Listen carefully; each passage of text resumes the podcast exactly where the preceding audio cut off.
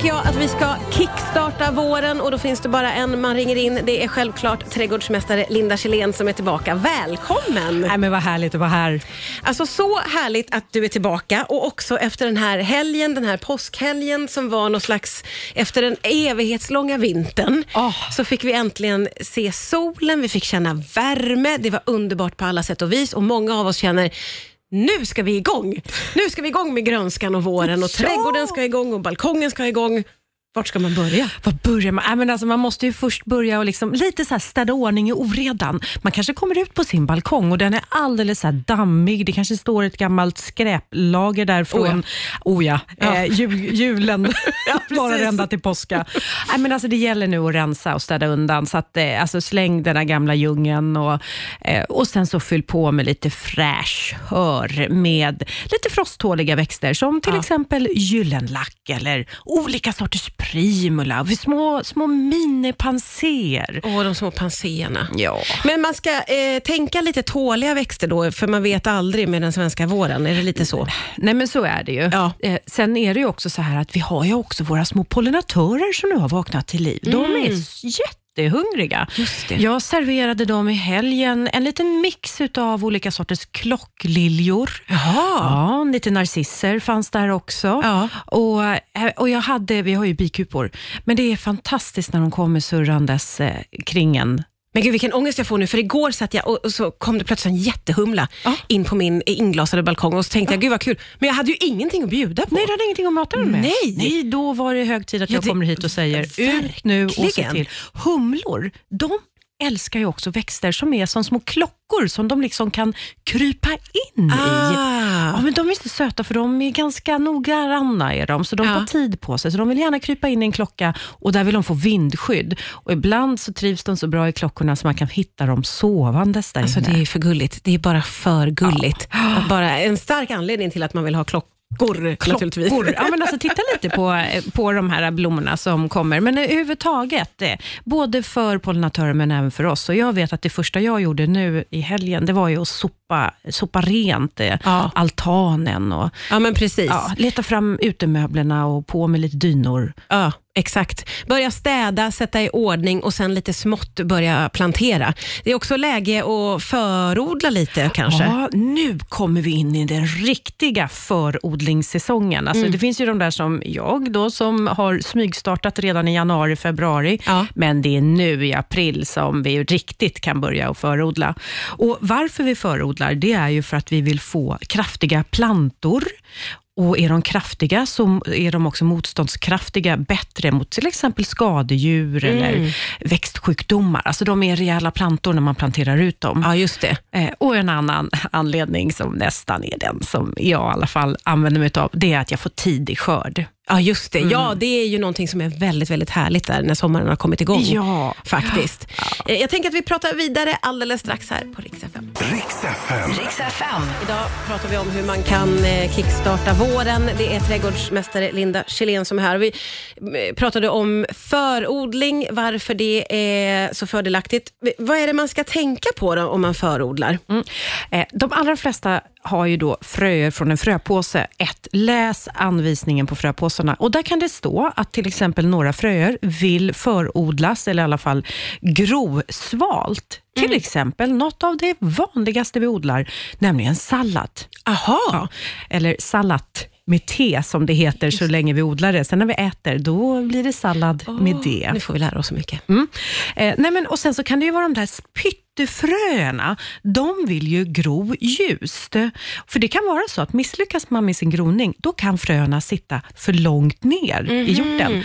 Och Då hinner liksom inte energin, den har inte tillräckligt mycket energi för att bilda en grodd som tar sig hela vägen upp. Okej, så läsa på paketet, jätte, jätteviktigt. Jätteviktigt. Jätteviktigt.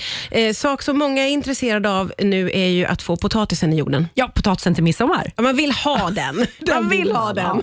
Nej, men jag tror också så här att något som trendar det är ju även att vi vill ha grönsaker som vi kan lagra. Och Där har vi också potatis, nämligen höstpotatisen. Men om vi börjar med vårpotatisen, då har jag två sorter och det är amandine och det är timo. Det här är jätteenkelt att förodla. Man sätter dem i, jag brukar ta en ugnsplåt och sen så fyller jag den med jord, eller en gratängform, vad som. Fyll Ja. med jord och så trycker ni ner potatisarna där i. Ah. Och Sen är förodlingen igång. Ställ Okej. den lite fuktigt, det kan man vattna lite och så ställer ni den ljust. Ja. Och sen är någon gång i ja, men en månad, om man nu pratar jag i Stockholmsområdet, Ja, just det. eller liksom, ja. om någon månad, då är det dags att börja fundera på att plantera ut. Man brukar säga att det är lagom ungefär när maskrosorna blommar. Mhm, Okej, bra att veta. Då har man något att förhålla sig till. Eh, vi ska också få komma in på eh, växter som lite är trendiga i Mm. år. Och Det finns någonting som har fångat mitt intresse eh, och det är dessa gurkgardiner. Ja. Vad är det vi pratar om för någonting? Det låter underbart. Visst gör Jag vet det. inte vad det är, men jag vill ha en. Ja. en två i ett verkligen.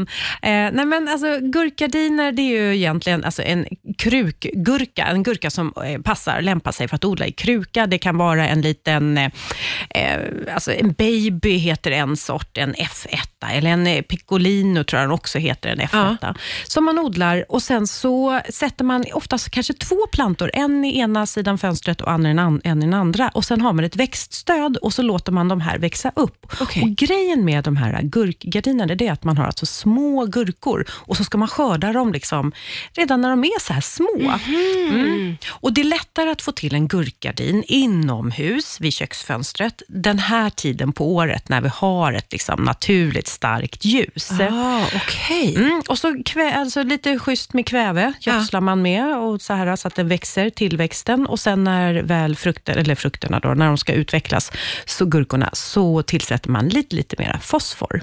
Men gud, jag blir så otroligt sugen på att och testa. det är så vackert. Det, alltså du vet, gurkblad är riktigt Ja, de, ja, de vackra. är jättefina och så hur de ska klättra i fönstret där. Jag ser det framför Ja. mig. Jag ser det i mitt köksfönster, Ja. så jag kommer definitivt att testa det här. Vi ska prata vidare, mer tips på hur man kickstartar våren alldeles strax här på Rix FM. Riks FM. Riks FM. Vi kickstartar våren tillsammans med trädgårdsmästare Linda Kjellén. Åh, vi har fått lära oss om gurkagardiner, det gör mig så otroligt lycklig. Eh, för vi pratar om växter som lite grann trendar här nu 2023. Och då ska vi in på något annat väldigt spännande. Ja, du tänker du på solrosor? Ja. ja. Som egentligen väl inte, hur spännande är det tänker man? Nej men alltså solrosor är ju lite här naivt om man nu får slänga sig med det. Lite kanske så här för barnen. Ja. De här, också de här lite glättiga eh, barnsliga färgerna, knallgult Ja. eh, sådär, och lekfullt. Eh, härligt. Och förra året så då odlade vi, var vi många som odlade solrosor också eh, i och med att det är en koppling till Ukraina. Så att det var ett sätt att liksom, visa ett, ett statement. Just det. Mm, men nu har solrosorna också kommit in i lite en annan färg. Lite, lite dämpad gul. Lite mera, vi kan tänka oss lite mer så vaniljgult. Jaha. Kanske också en sort som heter buttercream. Mm. Eh, Eller också en som heter Sunlight, tror jag den heter. Det här är alltså lite mildare solros, eh, alltså färger på solrosorna som gör att de blir lite mera mognare och passar kanske också i väldigt vackert i bukett. Och vad eller- roligt, vad Mm. roligt med liksom flera olika varianter. Ja, att vi inte bara har de här liksom knallgula. Ja. Eh, Så det- är. Sen något annat som jag också har sett som väldigt många är sugna på att prova själva att odla, det är eukalyptus. Okej. Ja, också en sån här växt som man frösår. Ja. Eh, Och jag vet inte, jag tror att det är många nu som är sugna på att plocka fram grillar. Oh, ja, ja, ja. Blanda lite drinkar. Ja, eller Ja, hur? ja. Nu, ja, nu vill man gå och plocka i någonstans. Ja, du vet var jag är på väg. Ja, ja, ja. Örterna. Just det. Ja, eh, det är också så här, kom, komponera era egna örtagårdar utifrån alltså grillkrydd, alltså kryddor till grillen Mm. eller till drinken, eller varför inte till te. Just. Alltså en god kopp te som man sover lugnt med lite citronmeliss i till exempel. Åh gud vad mysigt. Alltså man älskar ju att ha sin egen lilla örtagård oavsett om det är i trädgården eller på eh, balkongen. Ja, och det som är så fantastiskt med många örter, speciellt om man säger mynta, det är ju att det här finns det växtkraft i. Alltså man kan skörda och mynta är ju också gott, och inte förutom i drinken, så är det gott att ha även det i te. Ja. Det är lite uppfriskande, det är lite uppiggande. Man, också, man känner att man har en liten vårförkylning på gång. Ja, just det. Då tar man lite mynta-te. Åh, allt det där vill man ju ha. Det där känns också så himla roligt att komma igång med faktiskt. Ja. Eh, vi började ju det här snacket med att eh, städa eh, på balkongen. Men om man har en trädgård, då, hur ska man tänka där Ja, då skulle jag säga, gör hela trädgården till en kompost. Åh. Ja.